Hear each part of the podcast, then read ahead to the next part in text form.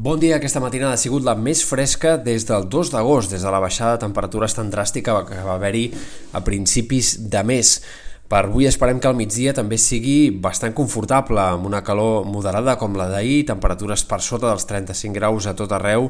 i una jornada bàsicament predominada pel sol, en tot cas amb alguna primera tempesta aquesta tarda al voltant dels ports que pugui acostar-se a les Terres de l'Ebre i que afecti diferents punts interiors del País Valencià. De cara a demà, més inestabilitat, la jornada de més ruixats d'aquesta setmana, xàfecs que començaran ja a partir de mig matí migdia de forma molt dispersa, molt irregular, eh, sobretot apareixeran en punts del Pirineu, Prepirineu, també al voltant dels ports i les Terres de l'Ebre, però no és descartable que també a prop de la costa pugui haver-hi algun ruixat més aïllat al migdia, primeres hores de la tarda, en sectors tant del Camp de Tarragona com també de la costa i del pelitoral centrals. En tot cas, en aquests àmbits, pluges més aviat poc abundants. En canvi, al Pirineu es podrien acumular fins a 10.000 litres per metre quadrat en alguna tempesta al llarg de la tarda d'aquest dijous. Serà un canvi de temps molt puntual perquè divendres, dissabte i diumenge tornaran a ser dies bàsicament predominats pel sol i amb poca activitat també a les tardes al Pirineu. Pel que fa a les temperatures, els pròxims dies cada cop més calor.